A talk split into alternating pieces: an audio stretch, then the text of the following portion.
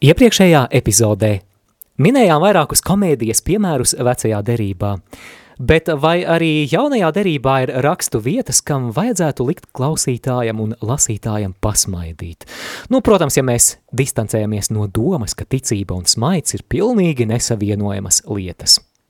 Par to Randiņš ar bībeli 32. epizodē ar virsrakstu Humors bībelē otrā daļa – Randiņš ar Bībeli. Studijā Māris Veliks.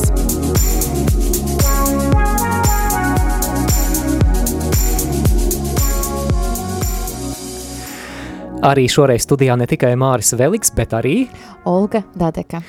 Un viens no jauninājumiem šajā Radio Marija 7. sezonā un Randiņa ar bībeli 2. sezonā ir arī iespēja šo raidījumu skatīties video tiešraidē. Tādēļ, ja tu lieto internetu, tad jau šajā brīdī vari pārslēgties gan uz Radio Marija Facebook lapu, a nē, uz Randiņa ar bībeli Facebook lapu, jā, vai arī YouTube meklē Radio Marija tiešraides un noteikti neaizmirstiet arī ielaikot šos kanālus. Un uh, priekšrocība arī būs tāda, ka jūs redzēsiet, cik šodien Olgai skaista blūzīte. Ah, tiešām, paldies. Jā, bet uh, Olga, es domāju, ka mēs varētu sākt ar īsu lūkšanu. Mēs šodien runāsim par humoru un tāpēc, kungs Dievs, mēs lūdzam, lai tu sūti tādu pamatīgu prieka vilni visur, kur šis raidījums izskanēs. Kungs, mēs lūdzam, lai šim raidījumam noslēdzoties nebūtu vairs neviena noskumuša un sabēdājušās cilvēka, un mēs lūdzam tāpēc nāc prieka gars, nāc un svaidi ar savu prieka eļļu. Jēzus Kristus vārdā. Amen. Amen. Nu ko, mēs uh, sāksim droši vien ar uh, iespēja vienkārši pamatīgi izsmieties, jo mēs pēc brīža runāsim par humoru bībelē, kas eh, nav tāds varbūt stand-up komēdijas humors, kur noteikti ir jāsmējās, bet es ceru, ka tas liks jums pasmaidīt, bet mums ar Olgu ir arī kādi bibliskie joki, proti joki par pašu bībeli vai joki par kādām bībeles jā, situācijām. vai par bībeles varoņiem, un sāksim ar pirmo joku. Es par Ādamu pastāstīšu. Labi, labi. Jā. Ādams un Ieva diezgan bieži anekdošu varoņi, un arī šajā anekdotē Ādams jautā Dievam, Paldies tev, Ādam, par Ievu, un saki lūdzu, kāpēc tu viņu esi radījis tik skaistu? Un Dievs saka, nu tas tāpēc, lai tu Ādam viņu mīlētu. Ādams turpina, bet kāpēc tu viņai radīji tik skaistas zilas acis? Dievs atbild, arī tāpēc, lai tu, Ādam, viņu mīlētu. Ādams saka, un kāpēc viņai ir tik skaisti gari mati? Arī, lai tu viņu mīlētu, Ādam. Bet uh, Dievs saka, lūdzu, kāpēc tu viņu radīji tik dumju? Tas tāpēc, Ādam, lai viņa mīlētu tevi. Uh, man ir kāds pretjoks. no, labi. Jā, uh, ko Dievs teica pēc tam, kad viņš rādīja Ādamu? Jā, tad viņš paskaties uz Ādamu un pateica, nu, es laikam varēšu kaut ko labāku uztaisīt. Un rādīja Ievu. es ceru, ka vīri pie radioaparātiem neaplainojās. Labi, vēl kāda anekdote no tavas puses. Ok, jā, tad uh, vēl viena anekdote. Kāds priesteris tikko uzsākdams kalpojumu, kad, kad uh, lauku ciema nolēma apsteigāt vietējas mājas un aicināt ciemata uh, dzīvu, iedzīvotājus nākt svētdien uz misi. Un viņš uh, klauvē pie kādas mājas un viņš dzird, ka aiz durum ir kāds troksnis un viņš domā, nu kāds noteikti tur ir, bet neviens tā arī viņam neatvara durvis. Un viņš atstāja savu to vizitkarti un Uh, un viņš uzrakstīja virsmu uh, uh, rakstu vietu no atklāsmes grāmatas, uh, Lūk, es stāvju, stāvu durvju priekšu un klauvēju, kas man atvērs pie tā, es ienākšu un turēšu maltīti, un jau nākamajā svētdiena viņš atrod baznīca to pašu vizitkārti ar šo rakstu vietu, un es tas ir rakstīts vēl kaut kās klāt. Rakstu vieta? Jā, tā bija atbilde no tā cilvēka, kur viņš atstāja to vizitkārti, tur bija rakstīts, Es dzirdēju tavu balsi, bet es nobijos, jo es biju kailis, kas ir no radīšanas grāmatas Ādama vārdi. Nākamā būs par golfu. Mūzes un Jēzus trietā kādu dienu spēlēja golfu. Mūzes atvēzējās, un golfa bumbiņa piezemējās mauriņā, bet turpināja ripot dīķa virzienā. Mūzes pacēla savu golfa nūju un ūdens dīķī pašķīrās un bumbiņa mierīgi aizripoja uz pretējo krastu. Nu, protams, tie, kas bībeli zina, tad bibliski atsauce par sarkanās jūras šķērsošanu. Pienāca Jēzus kārta. Jēzus atvēzējās, sita ar nūju pa bumbiņu precīzi jau minētā dīķa virzienā, kur bumbiņa piezemē, piezemējās dīķa centrā, bet turpinot karāties dažus centimetrus virs ūdens. Jēzus mierīgi pa dīķa virsmu pietuvojās bumbiņai un vēlreiz atvēzējoties iemet bumbiņu tieši bedrītē. Pienāca trešā spēlētāja kārta. Viņš tā mierīgi kā uz dullu ar nūju iesita pa bumbiņu, tā lidoja pāri žogam tieši satiksmē uz tuvākās ielas. Bumbiņa atdūrās pret kravas mašīnu un trāpīja tieši pa blakus stāvošo koku – No koka bumbiņa atleca uz kādas būdiņas jumta un noripoja pa lietus notekūdeņu cauruli tieši kanalizācijas renstelē. Tad pa drenāžas cauruli tā ripoja pretī jau minētajam dīķim, bet trāpīja akmenim un atleca pāri ūdenim iekrītot ūdens rozes ziedā. Pēkšņi liels krupis uzlēca uz ūdens rozes lapas un paņēma mutē golfa bumbiņu. Tieši tajā brīdī ērglis metās leju pa sagrāba krupi un lidoja projām – Kad viņi šķērsoja zaļo mauriņu, krupis no bailēm iekurkstējās kvā un nometa bumbiņu, kas trāpīja tieši bumbiņai paredzētajā bedrītē. Mūzes pagriezās pret Jēzu un teica, Eh, kā man riebjās spēlēt golfu ar tavu tēti? Ne visiem pielec varbūt. jā, jā. Un vēl kāds joks?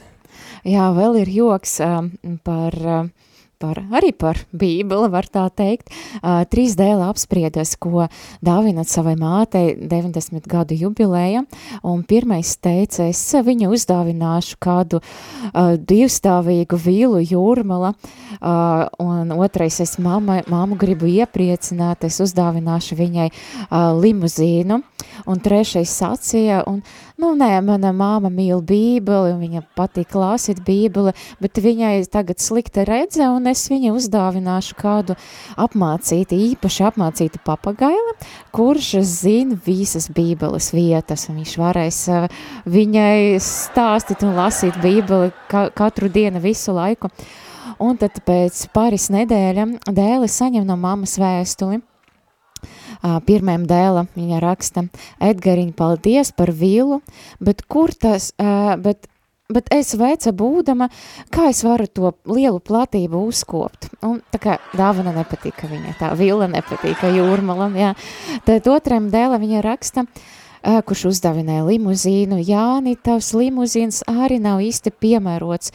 Es tāda esmu pensionāri, nu kur es braukšu ar to limuzīnu? Es kastīsies uz mani. Uh, Bet trešajam dēlam Jūrim viņa bija tiešām ļoti pateicīga par šo dāvanu un viņa raksta, bet tava dāvana Jūri bija vislabāka.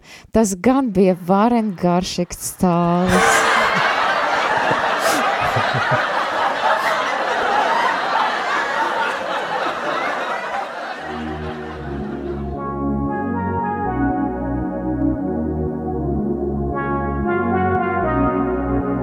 Uzmanību! Raidījums vedot klausītāju pa Bībeles dzīļu aizraujošajiem līkločiem, kur iespējams vēl nekad nav būts, var izraisīt nopietnu atkarību no privāta randiņa ar svētajiem rakstiem ikdienā.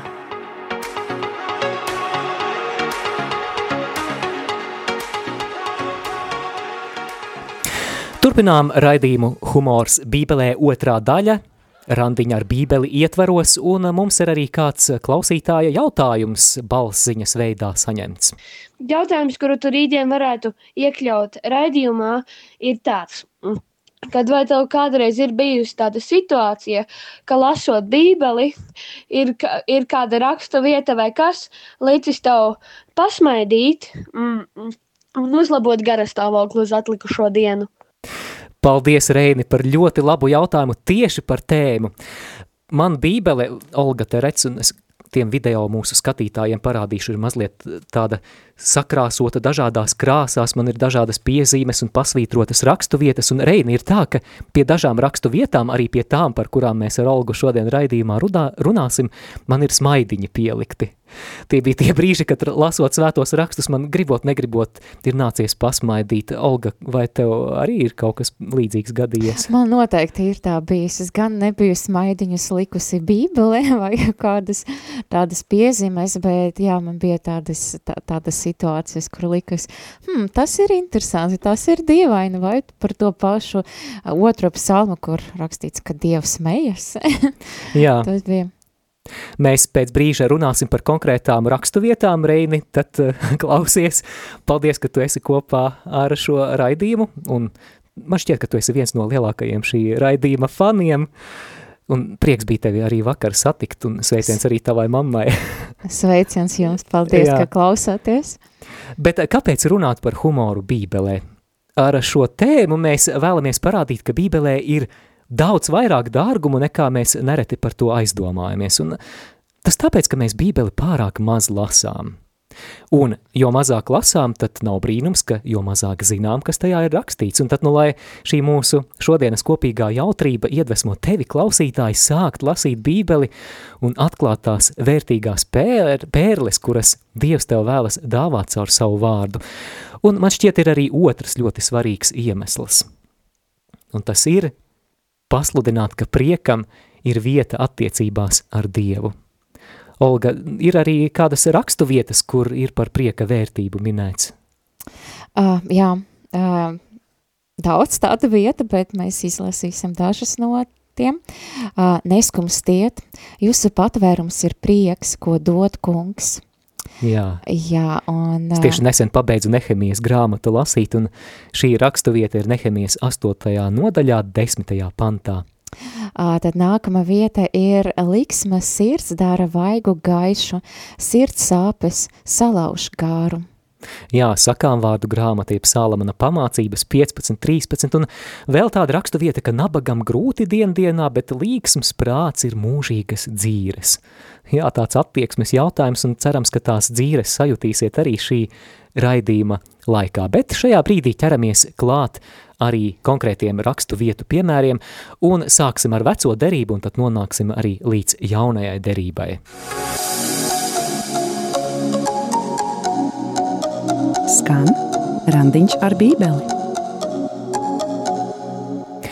Parunāsim par kādu personāžu Esteres grāmatā, un viņa vārds ir Hāmans.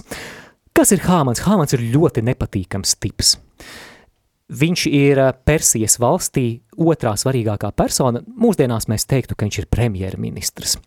Un šajā ķēniņa galmā kalpo arī kāds ebrejs, kāds jūts vārdā Mordahais. Un tā kā šis Mordahais atsakās locīties šī Hāmana, šī uzpūtīgā Hāmana priekšā, tad viņš aizskar šī Hāmana pašcieņu. Hāmanam tas ļoti sāp. Viņam ļoti nepatīk tas Mordahais. Tik ļoti nepatīk, ka viņš galu galā ir gatavs iznīcināt visu Mordahaja tautu, un šajā ziņā viņš kļūst par tādu kā antisemītu prototipu. Bet viss, ko šis Hāmans vēlas vērst pret eh, jūdu tautu un pret Mordahaja konkrēti, tādā komiskā vai reizēm varbūt traģikomiskā veidā pavēršas pret pašu Hāmanu kā ir tajā teicienā citam bedri raksi, pats tajā iekritīsi. Kādu vakaru Mordohais ļoti aizvainot, ne, Hāmans ļoti aizvainots eh, un neapmierināts ar Mordohaju uztaisa karātavas, kam, protams, savam lielākajam pretiniekam Mordohajam. Nākamajā rītā viņš iet pie Persijas ķēniņa uz troņa zāli runāt par to, ka Mordohaju vajadzētu tajās karātavās pakārt bet uh, viņš vēl nav paspējis nevienu vārdiņu bilst, kā ķēniņš viņam uzdot kādu jautājumu. Hāman, ko tu ieteiktu darīt tam cilvēkam, kuru ķēniņš grib pagodināt? Ko domā Hāmans?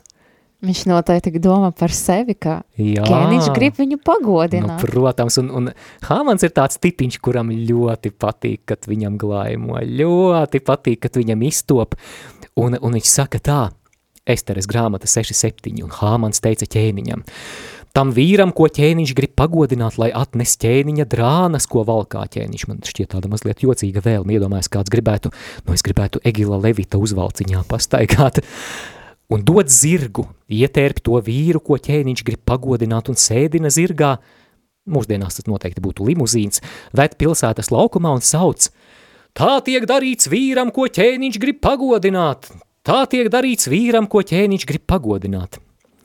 Tā komēdija ir tajā, ka Hāmans nenojauš, ka patiesībā ķēniņš grib pagodināt nevis Hāmanu, bet viņu, Mordohaju, šo vīru, kuru Hāmans tik ļoti ienīst, jo aizvedītajā naktī, kronikās vai kādos dokumentos, ķēniņš ir uzzinājis, ka Mordohais ir novērsis pret ķēniņu vērstu atentātu. Tātad Mordohais ir izglābis ķēniņa dzīvību, un, nu, protams, ka ķēniņš grib būt pateicīgs šim jūdu vīram, Un, jā, komēdija ir tajā, ka Hāmans to nenojauš un vēl trakāk, ka ķēniņš saka Hāmanam steidz, ņem drānas un zirgu, kā tikko teici, un dot jūdam Mordohajam kaut ko tādu Hāmans noteikti negribēja dzirdēt. Cik neveikli. Nepietiek vien ar to, ka ķēniņš grib pagodināt to, kuru Hāmans ienīst, bet Hāmanam ķēniņš pavēl to īstenot, un es tā iedomājos, ka viņš droši vien sakos tiem zobiem, viņam asaras droši vien sprākst no acīm, un, un viņš to dara. Mēs lasām, Hāmans ņēma drānas un zirgu, ietērpa Mordohaju un veda viņu zirgā pa pilsētas laukumu saugdams. Tā tiek darīts vīram, ko ķēniņš grib pagodināt. Un pārtinot filmu, nu, no nosacīti sakot, filmu tālāk, Hāmans vēlāk tiek atmaskots un krīt ķēniņa nežēlastībā. Ķēniņš uz viņu ļoti sadusmojās. Bet ar to komēdija nebeidzas, jo Hāmans saprotot, ka no nu ar viņu būs cauri, viņš vēlas izlūkties ķēniņienes Esteres žēlastību un, un ak, cik nelāgi viņš iekrīt ķēniņienes gultā. Un gluži kā meksikāņu ziepju operā, tieši brīdī, kad istabā ienāk jau tā saniknotais ķēniņš. Nu, tālāk tas, ka Hāmanu pakartajās karātavās, kuras viņš ir uzcēlis Mordahajam, droši vien vairs nav smieklīgi. Nav smieklīgi. Jā. Bet e, tas arī sasaucas nedaudz ar to rakstu vietu, ko mēs lasījām pagājušo reizi par Beliāmu un par Balaku, kur arī tieši notika viss pretēji. Balaks gribēja, lai Beliāms e, nolādētu e, Izraela tautu, bet turpreti tas Belijams atnāk un viņš sveiti Izraela tautu. Jā. Viss not, notika otrādi. Jā, bet... Jā, es paturpināšu, varbūt, jā, šodien mēs gribējām koncentrēties uz jaunu derību, bet mums palika vēl kaut kādas vietas, kas lika mums pasmaidīt, vecajā derība. Un ir tāda bijusi viena situācija, Jūs varat iedomāties, ka jums ir kāds lūgums Dievam, par ko jūs ilgi lūdzaties, un jums liekas, Dievs neatbild, bet jūs turpināt uh, uzticīgi lūgties, piemēram, kādu rožu, rožu kroni vai Pompejas dievmātes novenu 54. Dedzīgi, jā. jā, pamatīgi, jūs nākat uz baznīcu, jūs tik ļoti dedzīgi lūdzaties, ka jūs atverat mūti un pat skaņa neiet, bet tāpēc, ka tā ir sirds lūkšana un kāds pienak, varbūt pat priesteris un jums aizrāda un domā, ka jūs esat piecerušies, jā. Jā, un līdzīga situācija patiesībā mēs lasam par to pirmajā, pirmajā Samuela grāmata, par Samuela pravieša Samuela māti, kurā ilgus gadus viņai nebija bērni, un viņa tik ļoti bija saruktināta, un tad viņa, viņa nolema, ka viņa ies uz templi, un viņa lūgsies, un um, viņa lūdzas tā kunga priekša, Un tas priesteris Elis sāka vērot tas muti, jo Anna runāja sava sirdi, tikai viņas lupas kustējas, bet viņas balss nebija dzirdāma, tāpēc Elis noturēja uh, viņu par iedzerušu. Un Ēlis tai sacīja, cik ilgi tu būsi sava dzērama vara, lai no tevis atstājas dzēriena skarbums. Šausmas. Un cik skarbi tie Jā. vārdi, jūs varat iedomāties, nu, bet uh, nabagai Anne nācis pat taisnoties un aizstāvēt sevi, un uh, viņa atbildēja, ak, nē, mans kungs, es esmu nelēmīga sieva, es neesmu uh, nec vīnu, nec reibinošu dzērienu dzērusi, bet es esmu savu dvēseli izkrātījusi tā kunga priekša. Nu, tad priesteris viņai piedeva un teica, ka viņa, viņas lūkšana ir uzklausīta un veiksmīgi, un tad pēc kāda laika, jā, tad viņai arī piedzim Samuēlis un arī līdzīgi jau jaunajā derībā mēs lasām apustuļu darbos, uh, otrajā nodaļa, varbūt jūs atcerēties, mm. kas notika apustuļu darbos otrajā nodaļā. Tur arī vīns būs pieminēts vasaras svētku notikums, vīns būs jā. pieminēts, jā, ir vairākas vietas, kur ir par vīnu, jo arī, piemēram, uh, Salamana augstajā dziesma ir pateikts, ka uh, tava mīlestība, die, tava mīlestība ir labāka par vīnu. Oh, kā man patīk jā. šī rakstu vieta. jā, bet, nu, daži cilvēki sajauc tomēr lūkšanu gara ar to vīnu. Jā, man Viņa... arī tā priestera ēļa nejūtība un arī to cilvēku varbūt tā neatpazīšana garā, kuri vēlāk vēro apustuļus pēc šī vasarsvētku notikuma, jā, mani pārsteidz tā garīgā nejūtība. Nu, tieši tā, un interesanti arī um, vasarsvētku notikuma, jā, tad uh, nāca, nāca svētais gars un visi tika piepildēt, piepildīt mācekļi un jaunava Marija ar svēto garu, un viņi visi sāka runāt citas mēles. Šoreiz jau uh, nebija tā, ka tikai lūpas kustēs un nebija skaņas, bet jau varēja dzirdēt visas valodas un visi, visas tautas, kas bija ap tiem tajos svētkos uh, Jeruzalēme, viņi varēja saprast savas valodas un Un visi cilvēki izbijušas un neziņa būdami, kas viņus vēroja, tie visi cits citam jautā, kas tas ir, bet citi zobodāmies sacīja, tie ir salda vīna pilni. Jā, interesanti, ka, kā Pēteris vēlāk paskaidro, cik absurds ir šāds, šāds spriedums. Jā, jo patiesība, nu atkal, atkal vajadzēja aizstāvēties, atkal paskaidrot vajadzēja, ka tomēr nav. Un Pēteris teica, ka šie nav piedzeruši, piedzerušies, kā jums šķiet, jo tikai dienas trešā stunda. Jā, nu, kurš tad no rīta piedzēries, lai gan, lai gan atceroties šī gada svētceļojumu, es neminēšu, kurā ciemā tur bija daži vietējie, kuri, kuri vakarā dzēra, un tad no rīta, kādos septiņos no rīta viņi turpināja. Tu gan jau esi sajaucis, es domāju, viņam bija nakts adorācija un slavēšana, oh, tie bija vietējā harizmatiska ne? kustība gan jau mūsu kaimiņus. À, tu, jā, jā, tiešām. Tu tiesāji viņus. bet, bet interesanti, ka vispār svētais gars var darboties mūsu dzīvē tā, ka mēs eh, piedzīvojam kaut ko līdzīgu reibumam. Man nāk prātā no vēstules efeziešiem apustuļa Pāvila vārdi, ka neapreibieties no, ar vīnu no kā ceļas izlaidīga dzīve, bet topiet gara pilni. Tieši tā.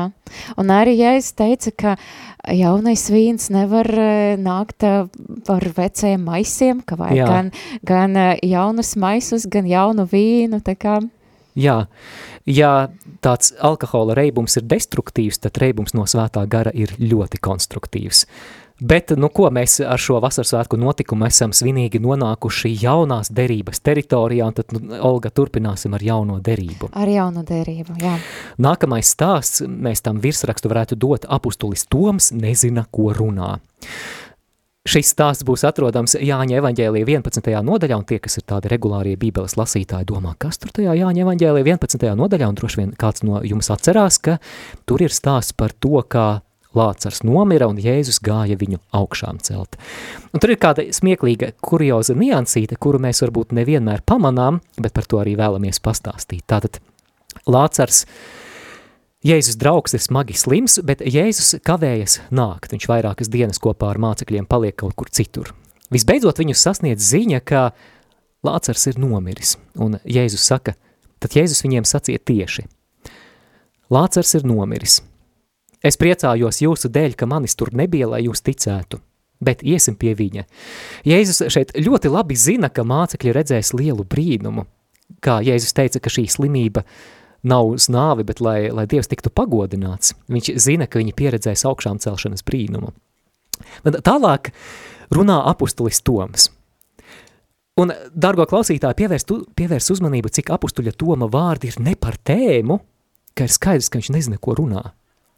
Man šķiet, ka šeit evaņģēlists Jānis atcerējās to kā tādu apustuļu iekšējo humoru vienam par otru. Iespējams, ka nabaga tomu apustuļi vēlāk daudz bakstīja par šo. Atceries, kā tu toreiz izpļurkstējies un tā, tā tad lasu no Jāņa evaņģēlija 11. nodaļas. Tad Toms saukts dvīnis sacīja pārējiem mācekļiem, ejam arī mēs, lai mirtu kopā ar viņu. Ja atceries stāsta turpinājumu, redzi, ka tas, ko saka Toms, ir pilnīgi ne par tēmu. Viņš vienkārši nav iebraucis situācijā.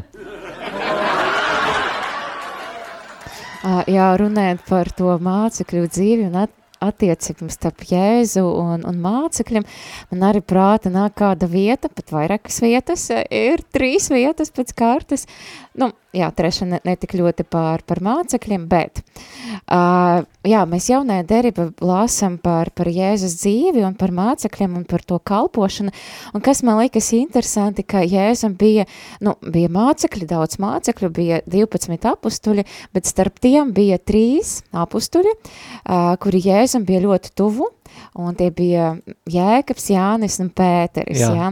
Un arī Jēzus dzīve bija tādi ļoti svarīgi momenti, ka Jēzus kristīšana Jordāna, protams, ka viss ir svarīgs, viss, kas bija evangēli, bet tie tādi, tādi momenti, kristīšana Jordāna, kalpošanas sākums, un tad, kad viņam jau bija mācekļi, tad viņš to, tos trīs apustuļus ņēma, ņēma sev klāt kaut kādos brīžos, un daži momenti bija tādi, ka, piemēram, pārveidošanas tabora kalna, vai arī Viņš ņēma līdzi sev mācekļus, kad viņš augšām cēla to meitenīti, vai arī ņēma līdzi tos mācekļus īpaši tuvu, kad viņš bija savu ciešanu sākuma, jā, un viņš, viņš gāja uz Gecemenes dārzu, un interesanti, piemēram, par to pārveidošanas brīdi un par, to, par, tām, par tām ciešanām Gecemenes dārza, viņš ņēma mācekļus, tos trīs īpašus, un ko mācekļi darīja tajā laikā?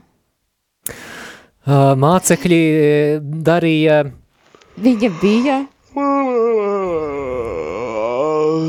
Jā, viņa bija miega pilni, vai viņa, viņa gulēja. Jā, un man liekas. Tas neesmu es. Tas ir es domāju, efekts. tas ir Pēteris, nu, neskudra, bet apustulis Pēteris iespējams, vai Jānis, Jā. vai Jēkabs. Jā, un likas tik neveikli Jēzus viņus paņem tādus tādus momentus, savas tāds, eh, viņam bija tie īpaši dzīves momenti, dzīve šeit virs zemes, mācekļi, es teiktu, izgāzos pilnīgi. Nu, man liekas, nu, jā, es būtu tur, viņu vietas noteikti negulētu, bet es laikam nevarētu apgalvot, cik intensīvi viņam tomēr bija tā kalpošana un kā. Bet, um, jā, runājot par uh, par to pārveidošanas, to, to brīnumu, un kas notika Tabora kalna, tad mēs lasam no mm, Lūkas evangēlijā 9. Jā, viņš ņēma sev Pēteri, Jāni un Jēkabu un uzkapa uz kalna Dievu lūgt. Un viņam lūdzot, viņa vaigs dabāja citu izskatu, un viņa drēbes kļuva spoži baltas, un lūk, divi vīri sarunēs ar viņu, tie bija Mūzes un Elija. Tie parādījies debesīs spožam un runāja par viņu, par viņa galu, ko sagaidīja Jeruzalēme, bet Pēteris un viņa biedri bija miega pilni un uzmodošies. Tie redzēja viņa spožumu un divi vīri pie viņa stāvam. Bet uh, interesanti arī tā Pētera reakcija pēc tam, Uh, tad viņš jau tikko pamodies, izberzējis pamodies, acis, kas te notiek viņš, vispār. Viņš redz mūzu, viņš redz Eliju, viņš redz Jēzu godība, un tad viņš saka, mācītāji, mums ir labi šeit būt, mēs uzcelsim trīs teltis, vienu tev, vienu mūzim un vienu Elijam, un vi, Jo, un viņš nezināja, ko viņš runā. Jā, šī piezīme man ļoti patīk. Jā, man liekas, ir līdzīgi, varbūt kāds ir piedzīvojis, nezinu, ka bija aizmīdzījis uh, augstskola vai skola uh, lekcijas laika, un saldi gulēja, kāds viņu pamodināja, un tad tev saka, tev jāatbild tagad, un viņš kā ko runā. un es domāju, par viņu var pateikt, ka, un viņš nezināja, ko viņš runāja. Jā, tieši tā, bet arī Eh, ja mēs runājam par kādu vēl to situāciju, kas jau bija uh, Kristus uh, ciešanu laika, tad mēs lāsam par to, ka jā, mēs zinām, ka atkal Jēzu aicināja Pēteri un Jāni un Jēkabu līdzi nākt Gecemenes dārza, un tad viņi saldi gulēja atkal, un Jēzus vairākas reizes pie viņam nāk un atgādina, ka jums jālūdzas, jo, lai nekrīstu, nekrīstu kārdināšana, bet tomēr viņa krīta kārdināšana, tā tas var mēģināt izlasīt. Jā, atraduši laiku, kad gulēt, vai ne? Jā, un tad, jā, tad viņš, un viņš no lūkšanas cēlies nāca pie saviem mācekļiem, un tos atrada aizmigušas aiz skūmiem, un viņš tiem sacīja, ko jūs guļat, celieties un lūdziet Dievu, ka nekrītat kārdināšana. Un, jā, bet Jēzus, un pēc tā uzreiz nāk tie kas sagustīja, ja? un var redzēt, ka Pētera reakcija arī šoreiz kaut kādu bija garām, jo Pēteris teica, mēs zinām, ka tas ir Pēteris, jo citus evangēlijus mēs to varam saprast pēc Jā. tā, viņš saka, kungs, vai mums būs cirts ar zobenu, Un, un Pēteris, un viens no tiem cirta augsta priestara kalpumu, nocirta tam labu ausi. Un Jēzum tad nācis Un Jēzum tad nāc, nācas uh, to kalpu dziedināt, jo nu, Pēteris atkal izgāzas un viņš nesaprata vispār, kāpēc uh, viņš tur ir, jo viņš visu palaidis gara, viņš bija gulējis. Cik Jēzus ir ar mums pacietīgs, vai ne? Pieņem Jā. mūs ar visām mūsu vājībām un ar, arī ar visu mūsu miegainību. Es tā kā joprojām mazliet uz svētceļojuma viļņa dzīvoju, man nāk prātā cik svētceļojumā ir viegli iesnausties vai nu katehēzes laikā, vai arī sprediķa laikā. Un runājot par sprediķi, ir vēl, oh, vēl viena vieta. Ļoti laba, jā. Ļoti laba vieta. Šeit jau iet runa ne jau par Pēteri, bet par Pāvilu, bet šoreiz viņš būs tāds ļoti labs varonis, vai ļoti labs gan savam pulkam, savam avim, jo Uh, jo jā. putru, ko ievārīja, pats atrisināja. Jā, jo uh, mēs lāsam apustuļu darbos uh, 20. nodaļa, ka mm, Pāvils bija uzaicināts uh, uzaicināts uz kādu vietu, uz kādu māju, un viņš tur sludināja. Bet kāds jauneklis vārda Eutihs sēdēja uz palodzes un bija iegrīmis dziļā miega, tāpēc, ka Pāvils tik ilgi runāja, un miega pārvarēts viņš nokrita no treša stāva un tika oh, pacelts oh, nedzīvs. Iedomājieties no treša stāva, bet labi, ka bija Pāvils klāt. Bet vispār, ko tas runā par uh, par Pāvilu kā sprediķotāju. Jā, mācība priesteriem, kas šobrīd klausās, nepārspīlējiet ar pārāk gariem sprediķiem. Jā, lai, lai jūsu, jūsu tauta neiet bojā.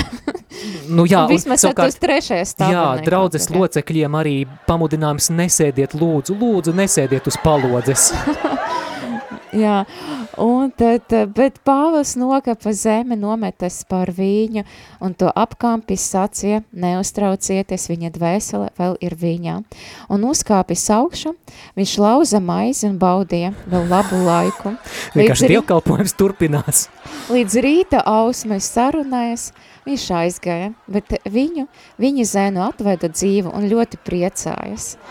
Man liek, Tā gan bija mise.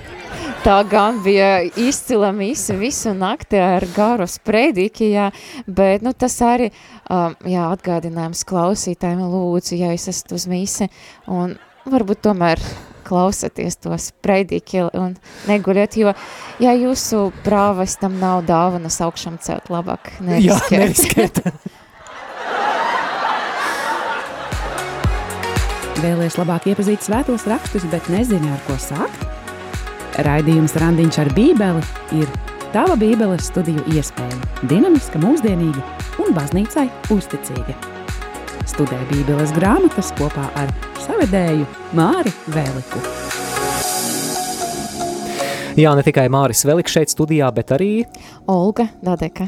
Mīļo klausītāji, ja tu mūs dzirdi, priecāsimies, ja mums kaut ko uzrakstīsi, jo patīkam ir just, ka mēs nerunājam šeit tikai divatā, bet ka tam, ko mēs runājam, ir kāda jēga. Varbūt mēs esam likuši vismaz drusciņ kādam pasmaidīt un esam mazliet uzlabojuši gara stāvokli. Mēs ceram vismaz, ka tas tā ir, tad uzrakstiet mums kaut vai to, ka vienkārši klausāties virtuvē vai kaut kur citur, piemēram, jūras malā vai varbūt strādājot dārzā.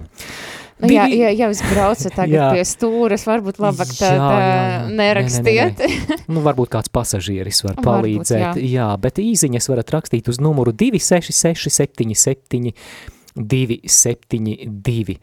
Nākamais stāsts būs Zahejs kāpj kokā, un mēs lasām šo stāstu Lūkas evaņģēlie 19. nodaļā, un arī šis stāsts mums var likt mazliet pasmaidīt, jo Zahejs ir muitnieks, viņš ir nodokļu ievācējs. Jūdiem tā bija tāda nīstama profesija, viņi bija korumpēti, viņi sadarbojās ar romiešu okupācijas varu, un šāds ir arī Zahejs, kurš dzīvo Jērikas pilsētā.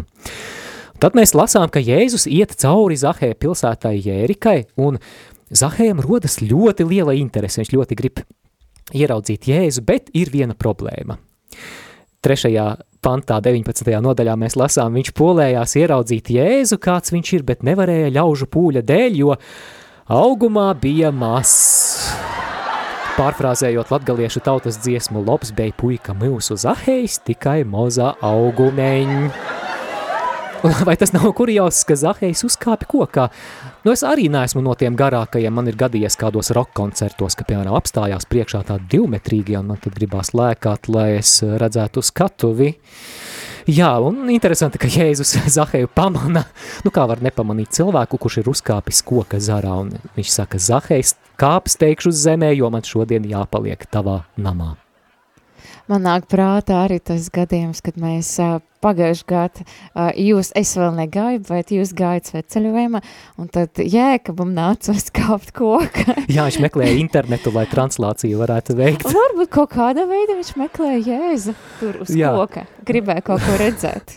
Labi, ka viņš kā eutiks nenokrita no tā koka, gluži kā apustuļu darbos, kā mēs nu pat dzirdējām. Un interesanti, ka ja es teicu, ka es šodien es uh, došas kā viņš teica, es došas vakariņas uz tava mājam. Jā. Jā, bet ne, Jēzus neuzkāpa uz koka. jā, Jēzus aicināja nokāpt no nokāp koka. No koka. Es atceros, jā, tēvs Smelters katedrālis prāvests savulaik teica, nokāp no sava koka, nokāp no savas palmas, viņš tā teica. Tur ir dziļa doma, bet par to citreiz. Un nākamais stāsts. Nākamais stāsts, nu, protams, man ļoti patīk, laikam, runāt par Pēteri un humoru. Jā, šodien man liekas, ir, tāds... ir īpašs personāžs bībele, un es arī aicinu jūs pavērot to viņa ceļu, viņa ceļu, jo mēs redzam, kāds viņš bija jaunē derība un tie visi, visi tie gadījumi, kad viņš izgāzas un pateica kaut ko nepareizi vai kā, bet jau uh, apustuļu darbos viņš tāds jau drosmīgais vīrs un, un seko kungam. Svētā gara piepildīts. Svētā gara piepildīts, bet dažreiz viņš nav tik ļoti laipns. Piemēram, mēs varam lasīt, ka apustuļu darbos 9. nodaļa, ka bija kāda mācekle, vārda Tabita, tulkojama stirna, tā bija labdara un nabagu apdāvinātāja. Un viņa tais dienas saslimi un nomiru, un uh, viņa to nomazgājuši lika augšīstaba. Un uh, Jā, kāds dzirdēja, ka Pēteris tur esot, mācekļi dzirdēt, ka Pēteris tur esot, sūtīja pie uh, pie tā divus vīrus ar lūgumu, lai neko, nekavējoties atnāktu pie viņiem, lai kaut ko darītu, gan jau, uz ko viņi cerēja, laikam uz augšām celšanos, jā. jā. Un Pēteris gāja, līdzi un atnāca, un, protams, ka viņš gaidīja, ka, jā, viņam ļaus lūgties par viņu, un kaut kā laikam viņš iedomājas, kāda būs tā situācija, jo, no cita ciema vai pilsētas sūtīja pēc viņa, lai viņš kaut ko darītu, bet viņš atnāca uz to istabu, un ko viņš redz? ka visas atraitnes viņu apstādināja, raudādamas un rādīdamas svārkus un drēbes, ko stirna, jeb tabīta, pie tiem būdami bija darinājusi. Vai, Man liekas, tāda situācija. brīdis, vai ne? Jā, iedomājieties, jūs jūs esat misionārs, jūs kāds sauc, nezinu, uz kādu kalpojumu vai sludināšanu, aizlūkšanu, un tur pēkšņa situācija, un, nezinu, tev rāda. Jā, paskatiet, kādas, kādas kleitiņas, tā bija tā šuva, un paskaties, kādas ērkšķogas viņa iestādīja, un šeit viņa kādas par burkāniem rūpējās. Ievarījumu, varbūt pagaršot, lūdzu, ievārījums. Mm. Nu, Pēteris, Pēteris, Pēters, ko viņš darīja? Viņš izraid, izraidīja visus ārā. un, jā, Zini, man nāk prātā, kas bija Pēters pēc profesijas?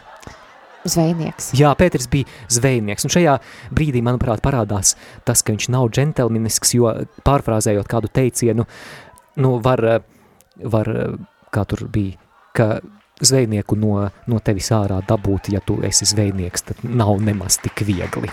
Jā, un arī, jā, nu tad Pēteris, viņš veiksmīgi, viņš veiksmīgi lūdzas par tabītu un teica, tabīta celies augšā, un tad tā atver acis, un piecēla sēdus, tad viņš augšam cēla, beidzot viņam vajadzēja to, laikam, vienātni, bet runājot par Pēteri, jā, tad, kad Jēzus viņu aicināja, toreiz jau Pēteris aicināja viņu uz savu mājam, un tad Jēzus dziedināja viņa sievas māti. Jā, un varbūt tas, un nezinu, vai tas bija tāds kā mm, pakalpojums, vai tomēr Pēteris tāds palika saruktināts par to.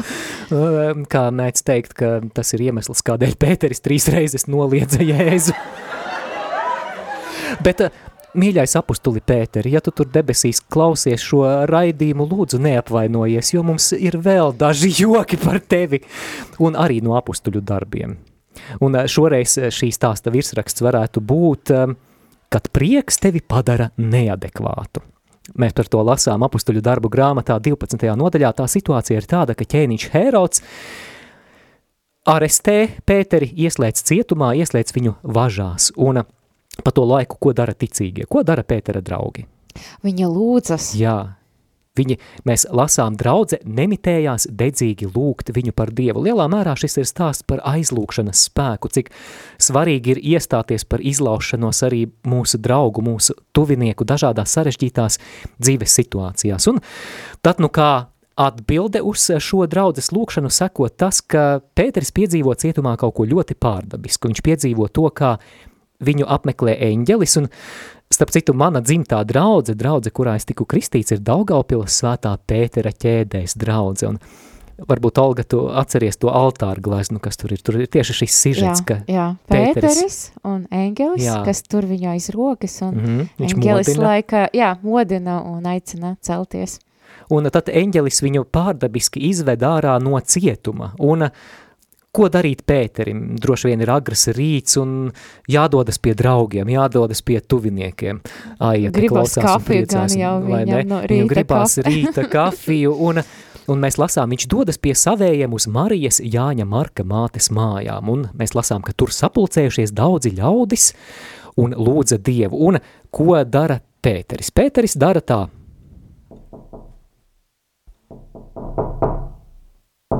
Viņš klauvē pie durvīm.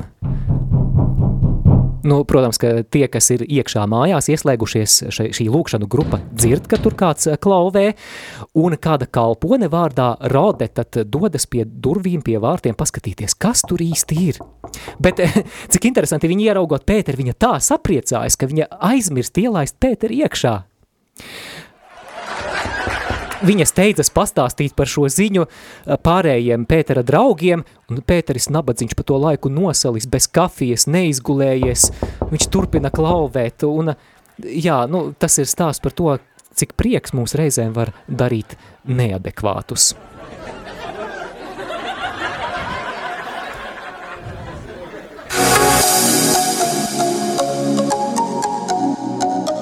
Skan randiņš ar bībeli.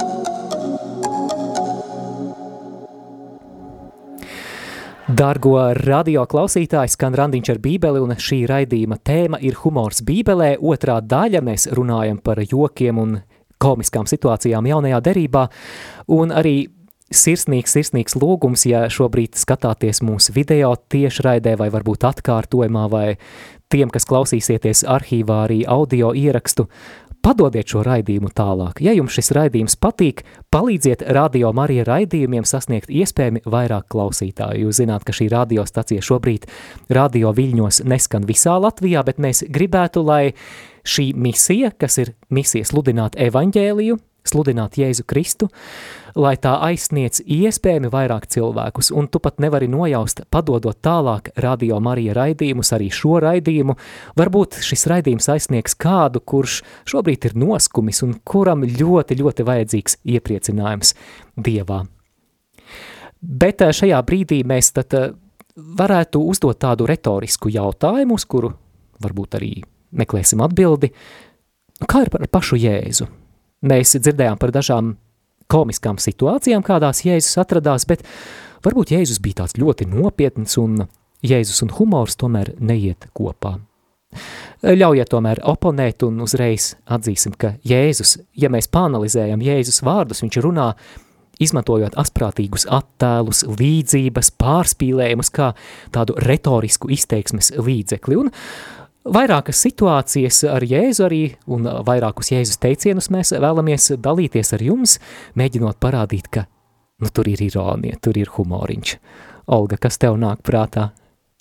Oh, man nāk prātā kāda vieta mm, Jāņa evaņģēlijam, ceturta nodaļa, un daudzi klausītāji varbūt atceras, ka šajā vieta Jēzus runā ar ar vienu samarieti, un, bet uh, tur nav tikai uh, samarieti šajā nodaļa, jo mēs lāsam, ka Jēzus uh, tad nāca uz to Samarijas pilsētu, un netālu bija tā jēka bāka, un Jēzus no ceļa piekusis apsēdas turpat pie ākas, un uh, savus, mā, uh, savus mācekļus, mēs nelasam, kas sūta, bet nu, mēs zinām, ka mācekļi aizgāja iepirkties uh, iepirkties, tirgu, jā. varbūt uz tirgu, varbūt uz kādu lielveikalu, mēs jā. nezinām, jā, bet... Uh, Jā, bet nu, tas arī ir joks uz lielveikalu. Jā.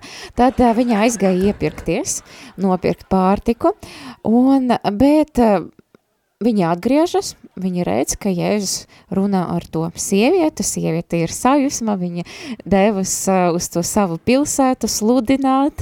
Jā, jau uh, tas, ka mācekļi ierauga Jēzu ar sievieti, jau tā arī mazliet kurioza situācija, ņemot vērā to apustuļu reakciju, ka viņi, viņi, viņi brīnās, nu kā viņš tur tā... Un turklāt samariete. Samariete, jā. jā. Nu, es nezinu, kas būs mums līdzīgi. Nu... Lietuvieta. Laikam nē, bet eh, tajā laikā, tajā laikā tas di, di, divas tautas uh, karoja, jā, un tad, nu, nezinu, varbūt kādi brazilieši un argentinieši, es mhm, nezinu, mm, jā. jā, kas, uh, kas cīna savu starpu, kurš ir tas labākais futbola spēlētājs. Bet, jā, tad mācekļi reic viņu, un tad viņi, protams, viņam ir tā pārtika, viņam ir ko ēst, un tad mācekļi lūdza viņu sacīdami, rabi, jeb mācītāji ēt, bet viņš tiem sacīja, man ir ēdiens, ko, ko ēst, ko jūs nepazīstat. Mm, un Jēzus māci... vienmēr ir dziļš. Jā, un viņi ļoti apjukuši, un tad kā, vai kāds viņam atnesis, ko ēst?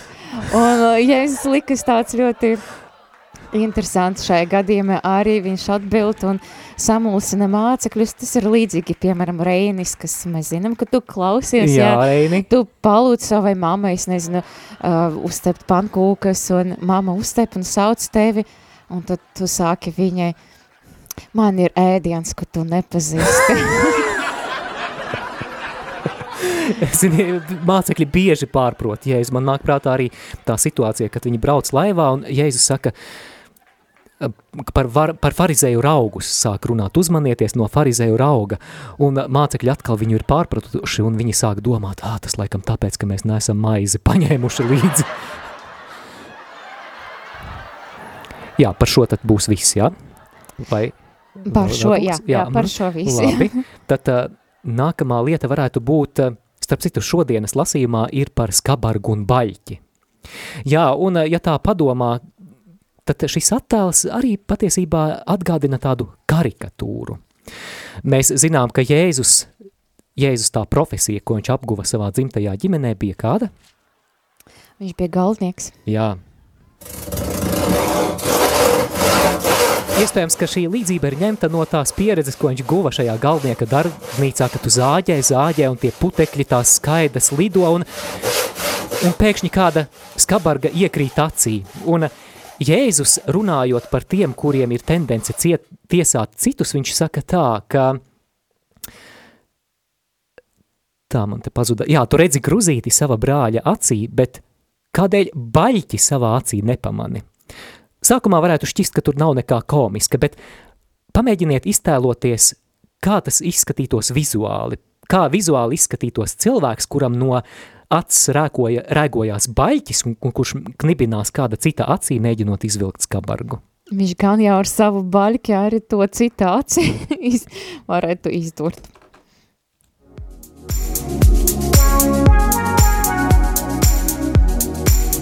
Skan Randiņš ar bībeli.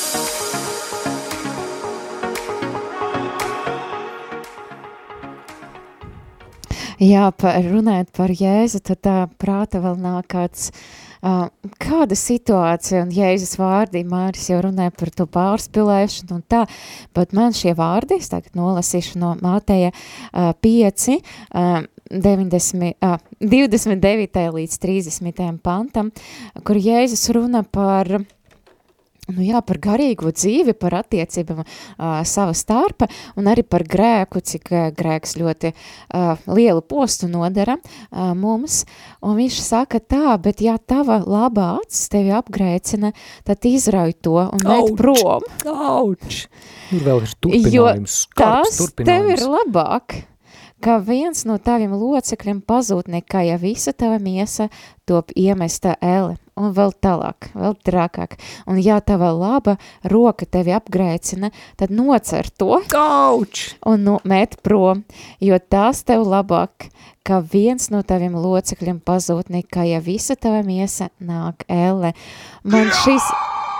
Ai, jā, jā, Ai, jā, sāpīgi, jā. sāpīgi. Nu, ir tādi stipri vārdi, bet man tie vārdi atgādina kādu tādu ļoti, var teikt, populāru joku par uh, kāds ir labākais līdzeklis pret galvas sāpēm.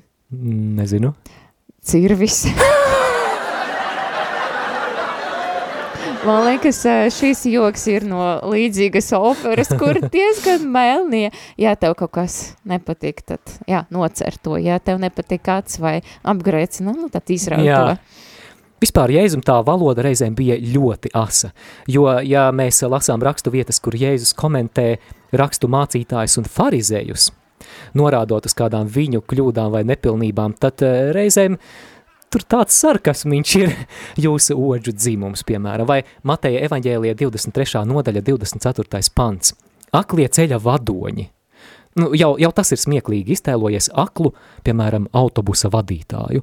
E, jūs pasakiet, kur man tagad griezt pa labi vai pa kreisi, tak turos tagad joslā, jā? Es vienreiz starp citu esmu dzirdējusi, es braucu ar tramvaju, tad uh, vadītais skaļi prasīja pasažieriem, uh, kur man tagad griezties pa labi vai pa kreisi. Jā, tātad aklie ceļa vadoņi. Un tālāk viņš turpina, jūs knišļus izkāšat, citā tulkojumā jūs odus izkāšat, bet kamieļus noriet. Nu, iztēlojies tādu kompota glāzi, kur peld dodi un kamieļi. Arī tas ir tāds pārspīlējums. Un, lūk, farizēji bija tā nofokusējušies tādām sīkām, maznozīmīgām detaļām, aizmirstot, kas eh, Dieva vārdā, kas Dieva likumā patiešām ir būtisks. Un tad no Jēzus viņas tā ar ironiju, ar sarkasmu salīdzina ar cilvēkiem, kuri no sava dzēriena ķeksē ārā odus, nepamat to, nepamanot, ka tur peld lieli dzīvnieki. Un, protams, tālāk seko arī vēl kompliments, jūs esat kā tādi nobalsināti kapi. Jā, nu ko, ir laiks noslēgt šo raidījumu. Patiesībā ir vēl citas rakstu vietas, par kurām mēs nepaspējām runāt, bet tas būs mājas darbs, lasiet bībeli. Un... Un rakstiet, rakstiet mums, uh, kādi tie, rak, kādas tas rakstu vietas, kas jums liekas tādas ar humoriņu. Jā, rakstiet arī savas atsauksmes par raidījumu. Mums dažas atsauksmes ir ienākušas no klausītājiem, tūlīt arī tās nolasīsim, bet noslēgumā vajadzētu kaut ko nopietnu. Un eh, tās nopietnās domas būtu šādas, ka attiecībās ar Dievu ir vieta arī priekam un humoram. Jā, tātad attiecībās ar Dievu ir vieta priekam un humoram.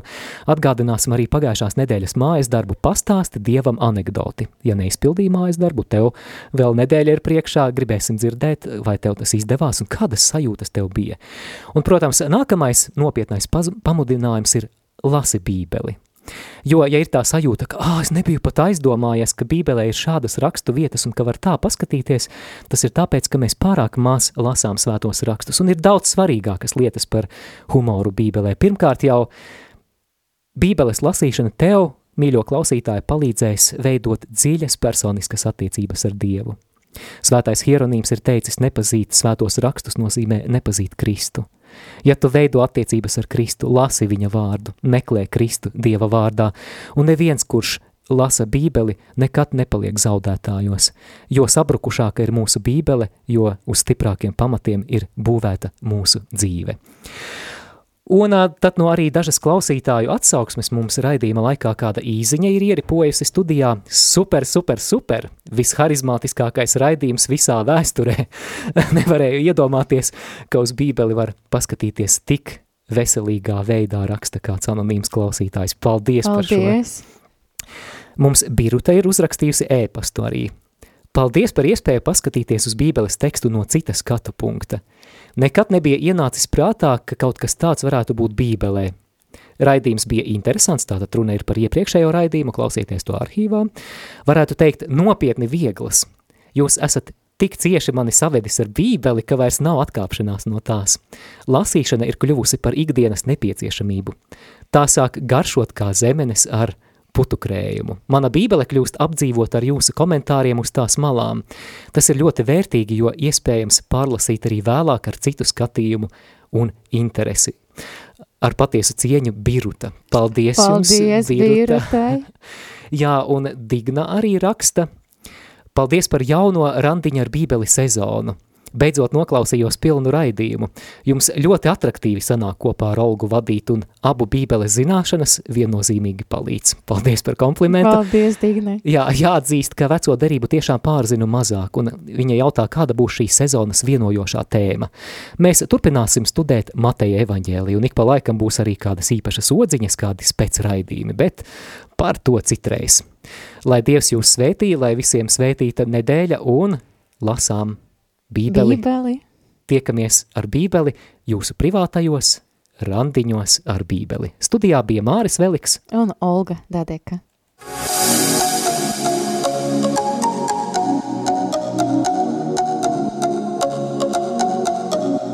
Jūs klausījāties raidījumu Randiņš ar Bībeli.